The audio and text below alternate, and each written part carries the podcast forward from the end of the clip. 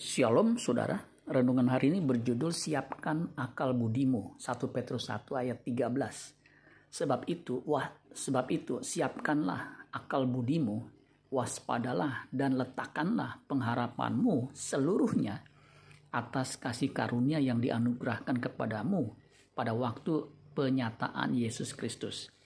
Terjemahan versi mudah dibaca mengatakan begini, jadi siapkanlah pikiranmu demi pelayanan dan kendalikanlah dirimu. Arahkanlah seluruh pengharapanmu kepada anugerah yang akan diberikan kepadamu apabila Yesus Kristus datang. Kata siapkan itu dari kata Yunani anazo samenoi yang secara harafiah artinya mengikat pinggang. Kebiasaan orang timur, timur tengah, mengikat jubahnya dengan tali dengan maksud untuk mulai bekerja supaya bisa leluasa bekerja tanpa terganggu dengan pakaian mereka. Kalau di Indonesia ada istilah menyingsingkan lengan baju yang artinya melipat atau menggulung baju untuk mulai bekerja. Menyingsingkan lengan baju itu arti kiasan, artinya bekerja keras. Pikiran kita tidak bisa diisi penuh secara mendadak. Pikiran harus diisi dengan sistem akumulasi. Itulah yang disebut dengan belajar sedikit demi sedikit menjadi bukit. Kita tidak bisa hidup kudus secara serta-merta mendadak kudus. Perlu akumulasi kebenaran demi kebenaran. Yohanes 17 ayat 17, kuduskanlah mereka dalam kebenaran. Firmanmu adalah kebenaran. Versi mudah dibaca, Yohanes 17 ayat 17, persiapkanlah mereka untuk melayani dalam kebenaran. Firmanmu itulah kebenaran. Firman Tuhan itulah yang akan menguduskan kita. Firman Tuhan itu adalah kebenaran atau truth bahasa Inggrisnya. Itu dari kata Yunani aletheia.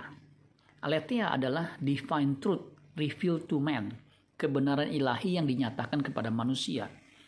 The truth as taught in the Christian religion, kebenaran seperti yang diajarkan dalam agama Kristen. Aletheia ini disebut sebagai harta yang sesungguhnya yang harus kita kumpulkan sedikit demi sedikit sehingga menjadi harta abadi. Lukas 16 ayat 11 sampai 12. Jadi jikalau kamu tidak setia dalam hal mamon yang tidak jujur, siapakah yang akan mempercayakan kepadamu harta yang sesungguhnya? Dan jikalau kamu tidak setia dalam harta orang lain, siapakah yang akan menyerahkan hartamu sendiri kepadamu? Kalimat harta yang sesungguhnya itu dari kata Yunani aletheia atau kebenaran. Kebenaran ini yang akan mengubah hidup kita menjadi orang percaya yang excellent, yang membuat kita diperkenankan masuk ke dalam kerajaan sorga. Matius 5 ayat 20, Maka aku berkata kepadamu, jika hidup keagamaanmu tidak lebih benar daripada hidup keagamaan ahli-ahli Taurat dan orang-orang Farisi, sesungguhnya kamu tidak akan masuk ke dalam kerajaan sorga.